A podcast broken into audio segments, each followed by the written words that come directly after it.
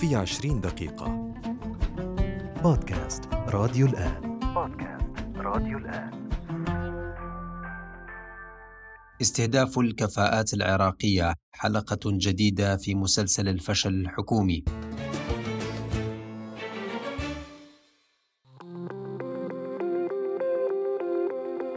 عادت في الأيام الماضية استهداف الكفاءات العراقية من قبل الجماعات المسلحة مجهولة الهوية المعروفة لدى المواطنين حيث اختطفت جماعة مسلحة ناشطا بيئيا كان يعمل في مجال تشجيع السياحة وحماية الأهوار من الجفاف بينما تم قتل أحد الدكاترة في محافظة ديالى العراقية من قبل جماعة مسلحة وعلى الرغم من المؤشرات الخطيرة على هذه العمليات والتي تنذر بعودة هجرة العقول من العراق إلى الخارج إلا أن السلطات الرسمية لم تتفاعل مع هذه القضايا بصورة جدية مما يثبت الفشل الحكومي في التعامل مع القضايا الأمنية والتي تمس بأمن المواطن وبصورة العراق بصورة مباشرة. مرحبا بكم في حلقة جديدة من بودكاست في عشرين دقيقة نتحدث فيها عن عودة استهداف الكفاءات في العراق من قبل الجماعات المسلحة وعجز الدولة العراقية عن توفير الحماية اللازمة للمواطنين ومحاسبة وملاحقة الجماعات الإرهابية التي تقف وراء هذه العمليات لتحقيق أجندة خاصة بها. في بداية فبراير الماضي اختطف مسلحون ناشطا بيئيا عراقيا معروفا بنضاله من أجل الحفاظ على الأهوار القديمة جنوب العراق حيث تم إيقافه واقتياده من سيارته لدى اقترابه من العاصمة بغداد رغم أن نشاطاته المعروفة في مجال زيادة الوعي بالتهديدات التي تواجه الأراضي الرطبة الجنوبية في العراق معروفة لدى جميع العراقيين. وبعد أكثر من أسبوع تم إطلاق سراح الناشط البيئي جاسم الأسدي دون الكشف عن الجهات التي تورطت بعملية اختطافه وأكد الأسدي في مقابلة تلفزيونية عن تعرضه لأشد أنواع العذاب باستخدام الكهرباء والعصي أثناء أسره ونقله من مكان إلى آخر. وكشف الأسدي عن تفاصيل اختطافه مبينا أن مجموعة مسلحة اعترضته على الطريق السريع من محافظة بابل الجنوبية إلى بغداد العاصمة وعلى مقربة من دورية أمنية واقتادته إلى جهة مجهولة مشيرا إلى تعرضه للتعذيب على مدى 15 يوما موضحا أن الجنات كانوا يهدفون لثنيه عن الدفاع عن سكان الأهوار المحاذية لإيران ومنعه من الحديث عن الجفاف. ولم يستبعد ارتباطهم بجهات خارجية. وأضاف الأسدي في تصريح لصحيفة المدى العراقية قائلا تعرضت للاستجواب والتحقيق ولأقصى أنواع التعذيب على مدى 15 يوما مبينا أن أشكال التعذيب لا تخطر على بال أحد. وعن أسباب اختطافه قال الأسدي أن أسئلة وإجراءات التحقيق كانت تهدف لثني عن العمل في الأهوار والمطالبات بالمياه وعدالة توزيعها ناهيك عن ثني عن مؤازرة السكان المحليين. ولفت إلى أن الخاطفين كانوا يريدون أن أكون شخصا سلبيا تجاه البيئة وأن أتجاهل ما تتعرض له من جفاف وما يتعرض له السكان من حرمان. وشدد الأسدي على أن الخاطفين كانوا يعتقدون أنهم إن تمكنوا من كسره وثنيه عن قضيته سيثنون الآخرين وزاد أن هذا الاختطاف سيزيدني إصرارا من أجل الناس والطبيعة وبيئتها وأكد بأن ما تلقيته من دعم وتضامن كبيرين من الأهالي والسكان المحليين والناشطين والمنظمات والجهات العراقية والدولية يجعلني أتمسك بالقضية التي اختطفت بسببها وسأواصل ذلك الدرب في الدفاع عن بيئة الأهوار وسكانها.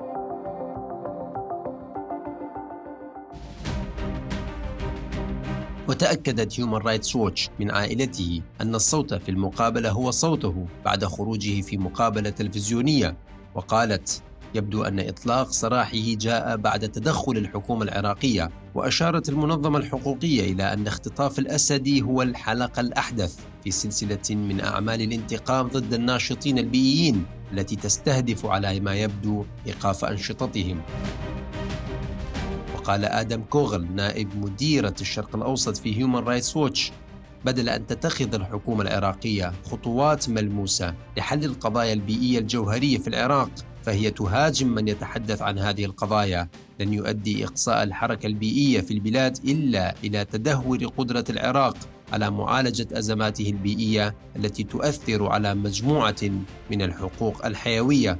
وحذر أن إقصاء الحركة البيئية في البلاد لن يؤدي إلا لتدهور قدرة العراق على معالجة أزماته البيئية التي تؤثر على مجموعة من الحقوق الحيوية وأضاف كوغل أن إقدام الحكومة العراقية على تكميم أفواه النشطاء البيئيين الذين يحاولون التوعية بشأن التحديات الخطيرة للبلاد هو جزء من موقف أوسع ترى فيه أن منظمات المجتمع المدني تشكل تهديدا وليست شريكة واستمرارا لمسلسل استهداف الكفاءات العراقية أقدم مسلحون مجهولون يوم الأربعاء 22 فبراير على اغتيال الطبيب أحمد طلال المدفعي بعد خروجه من عيادته في وسط مدينة بعقوبة في محافظة ديالى وقد أعلن أطباء الأسنان في ديالى عن إغلاق عياداتهم الخاصة احتجاجا على اغتيال الطبيب الشهير أحمد المدفعي والتأكيد على المضي بخطوات تصعيدية لحين الاستجابة لمطالب الكوادر الطبية في المحافظة وحمايتهم من الهجمات وتهديدات العصابات الإجرامية. وقد حذر نقيب أطباء ديالى مرتضى الخزرجي من تحول المحافظة إلى مدينة الرعب للخطف والقتل وسط عجز وتجاهل السلطات الحكومية والأمنية للمطالب الإنسانية المشروعة بحماية أرواح الأبرياء من المواطنين والكفاءات العلمية والطبية من عبث القتلة والمجرمين.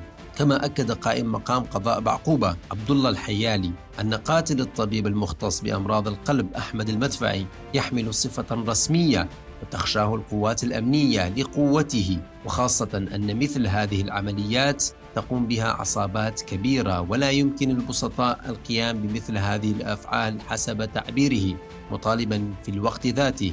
بتكاتف الجهود للبحث عن الجنات وضرورة تنشيط العنصر الاستخباري والتصدي للعصابات لوقف إثارة الرعب داخل مدينة بعقوبة والديالة بصورة عامة.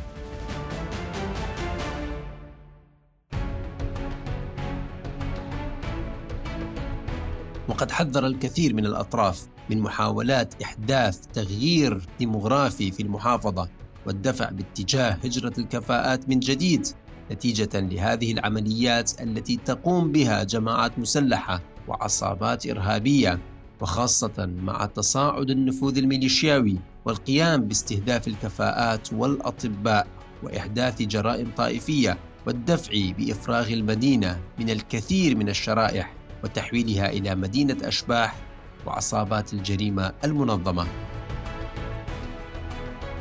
وقد استمر مسلسل القتل والاغتيالات في المدن العراقية خلال الأيام الماضية حيث قام مسلحون مجهولون باغتيال العقيد الطيار سعد محسن الدليمي شقيق رئيس أركان الفيلق الثالث سابقا اللواء الركن غازي الدليمي قرب مدينة الفلوجة في محافظة الأنبار دون العثور أو الكشف. عن هوية القتلة وبخصوص عودة مسلسل عمليات استهداف وملاحقة وتخويف الكفاءات العراقية من الأطباء وناشطي مجال البيئة وغيرهم من الناشطين وتحويل العراق إلى بيئة طاردة للكفاءات نتحدث مع الصحفي والباحث السياسي العراقي الأستاذ نوري حمدان ونسأله أولاً كيف ترى عملية اختطاف وتعذيب ناشط في مجال حماية البيئة وعجز السلطات الأمنية عن ملاحقة الخاطفين والمجرمين على الرغم من أن هذا الشخص يهتم بمجال غير سياسي ويعمل على خدمة المواطنين والعراق عن طريق استقدام واستقطاب الناشطين والسياح إلى هذه المناطق وتعريف العراق بالمحيط الخارجي.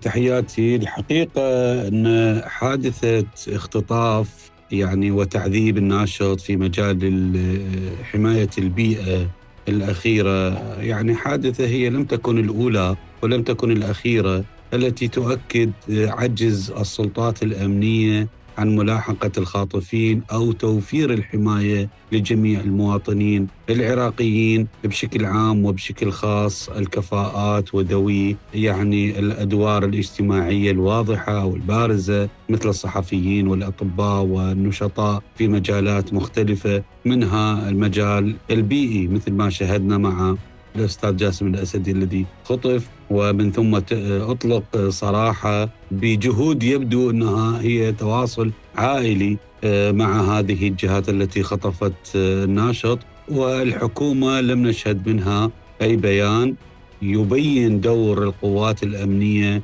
في إنقاذ هذا الإنسان أو آه، ملاحقة الخاطفين. وما هي الإجراءات القانونية التي يمكن اتخاذها واتباعها بهذه الملفات؟ حقيقة هذا يعني قلت إنه هي لم تكن آه، هي يعني الحادثة الأولى فهنالك شواهد كثيرة وخروقات أمنية كثيرة تؤكد بأن هذه السلطات الأمنية هي حقيقة ومع كل الأسف هي عاجزة عن توفير الحماية للعراقيين بشكل عام ناهيك عن الكفاءات. ولذلك نشهد إنه الكفاءات آه، دائما يكونون في موقع آه، بحاجة إلى حماية في موقع التهديد في موقع آه، غير مؤمنين على حياتهم آه، في ظل هذه الظروف. ولكن الحقيقة يعني هو ما يثار استغراب الجميع أنه ناشط في مجال البيئة ماذا يؤثر على هذه الفصائل أو هذه الجهات التي تخطف يعني تخطف وتتخذ القرارات في اعتقالات أو في حجز آه، العراقيين من دون العودة إلى السلطات القضائية وحتى الأمنية وعدم ولم تعر اهتماما واعتبارا إلى دور الحكومة في هذا الملف. آه، حقيقة أثار استغراب الجميع. آه، ماذا ماذا يؤثر حقيقة كناشط مدني؟ ولكن ما تبين أنه آه، هذه المجاميع هي آه، لم تستهدف آه، فقط نهب ثروات البلاد ونشر الفساد والفوضى بل هي عازمة على تلويث حتى البيئة العراقيه لعدم تمكن العراق بتطوير قدراته في الإنتاج بشكل العام على صعيد الزراعي والسياحي وكذلك الصناعي. وهذا واضح جدا هو أهدافه وأجنداته جهات خارجية آه، تدعم هذه آه، المجاميع آه، الإجرامية التي ترتكب مثل هكذا جرائم في المجتمع العراقي.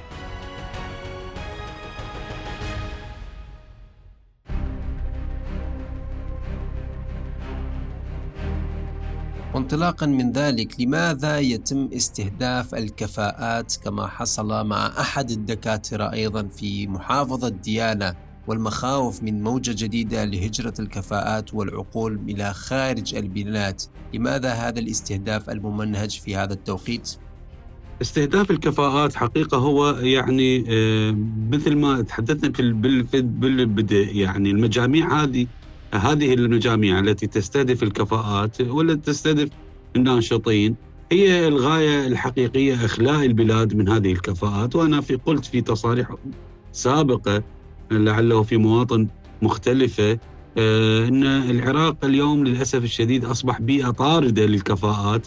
آه، الكفاءات عموما يبحثون عن اللجوء يبحثون عن الهروب من آه، العراق لأنه لم لم يجدوا المساحة آه، الكافية لأدائهم ولنشاطهم لإنتاجهم الحقيقي الذي يفترض أن يكون هو مفيد للمجتمع بشكل العام آه، آه، ولم يتم تحديد لم يحدد هذا الأمر فقط. يعني هم لم يبحثوا عن مواطن أخرى غير وطنهم العراق لأنهم لم يتمكنوا من آه، فائدة الوطن من خلال كفاءاتهم في مهنهم آه، المتعددة. بل هم أصبحوا الآن أهداف لا يتمكنون من حماية أنفسهم. هم للأسف الشديد آه، يواجهون مشاكل كبيرة من بينها حقيقة يعني العصابات الإجرامية. يعني الأطباء في العراق وشهدنا بالأيام الأخيرة استهداف أطباء في محافظة ديالى وقتلهم وسبق ديالى محافظات مختلفة. كانت الاستهدافات قد تكون في مجالها العشائري في مجالها ال يعني الثأري في تحت غطاء أنه لم يوفر الخدمات الطبية الكافية لمريض.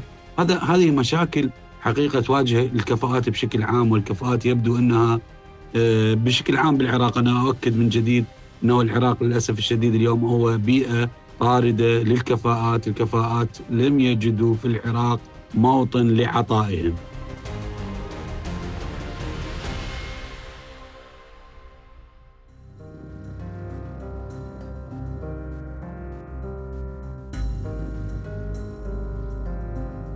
وأخيرا هل يتحقق وعود السوداني رئيس وزراء العراق الحالي ببناء عراق مستقر ومزدهر في ظل هذه التطورات وعجز السلطات الأمنية والقضاء على تطبيق القانون ومحاسبة الجنات وطمأنة المواطنين وخاصة الكفاءات وأصحاب العقول والمبدعين من الشرائح المختلفة داخل العراق؟ حول آه، يعني تحقيق وعود السوداني في بناء آه، العراق مستقر حقيقة لابد من التوقف عند قضية مهمة جدا بداية آه، علينا أن ننظر إلى حكومة السوداني وكيفية تشكيلها. هي لا تختلف تماما عن الحكومة السابقة والحكومات الأخرى. يعني هي لا تختلف ولا نستطيع أن نفرقها عن حكومة الكاظمي وعبد المهدي والعبادي وكذلك المالكي وحتى الجعفري وعلاوي.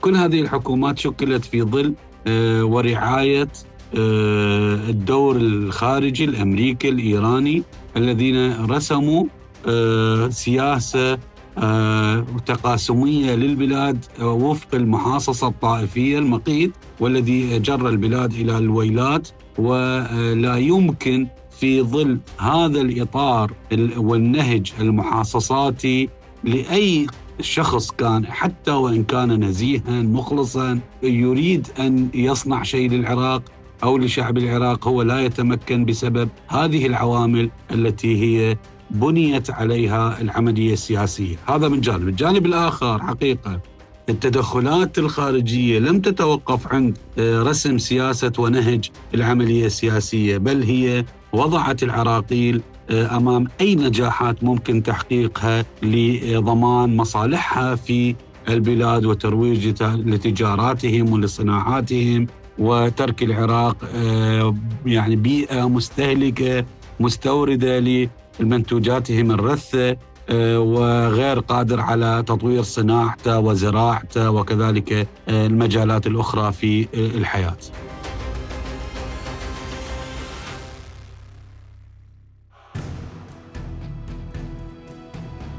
ومن الممكن أن يؤدي قتل الكفاءات وتهجيرهم مجددا إلى تحويل العراق إلى بيئة طاردة للعقول والمواهب كما حصل في أيام الأزمات والصراع والحروب الأهلية.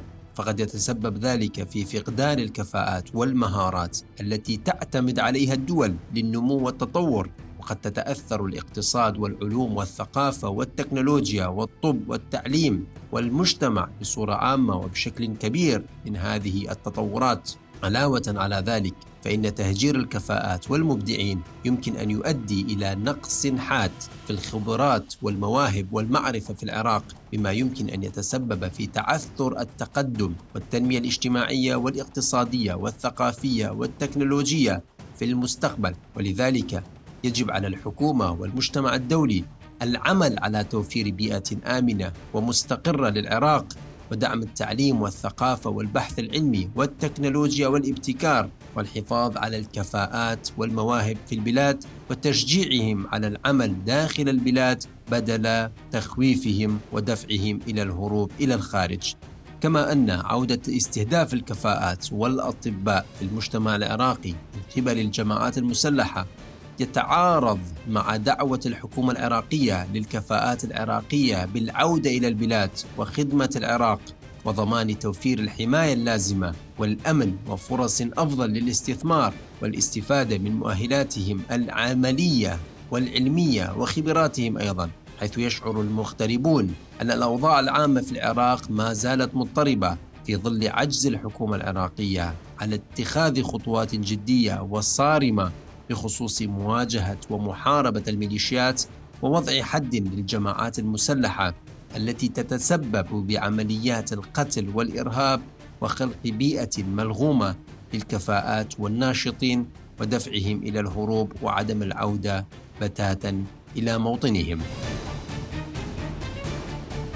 كما سيؤدي هذه العمليات إلى ظهور مخاوف جدية لدى الشركات العالمية التي تفكر في الاستثمار في العراق في ظل حديث الحكومة العراقية على بناء بيئة جاذبة للمستثمرين ورؤوس الأموال الأجنبية وخاصة أن هذه الشركات تبحث عن بيئة آمنة للعمل والاستثمار ولن تجازف بالدخول إلى بيئة مليئة بالإضطرابات الأمنية وعمليات القتل والاغتيال والإفلات من العقاب إلى هنا ننتهي من حلقة هذا الأسبوع من بودكاست في عشرين دقيقة تحدثنا فيها عن عودة استهداف الكفاءات والعقول العراقية في ظل عجز حكومي عن حماية العراقيين وملاحقة العصابات والفصائل المسلحة المتورطة بارتكاب هذه الجرائم. شكرا لكم لحسن الاستماع وإلى اللقاء في الحلقات القادمة.